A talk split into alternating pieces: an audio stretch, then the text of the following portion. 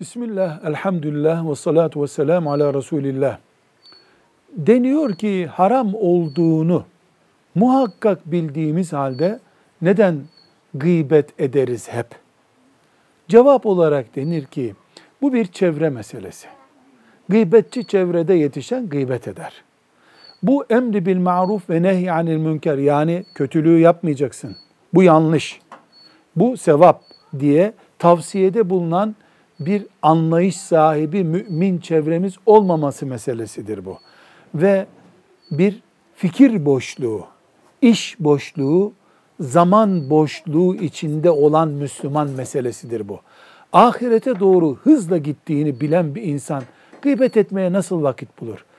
Allahu Teala'nın saniyelerin hesabını soracağına iman ettiği bir insan nasıl gıybet etmeye vakit bulabilir? Babalar, anneler çocuklarına, anneler, babalar herkes birbirine emri bil maruf yaptığı zaman kim gıybet edebilir ki? Velhamdülillahi Rabbil Alemin.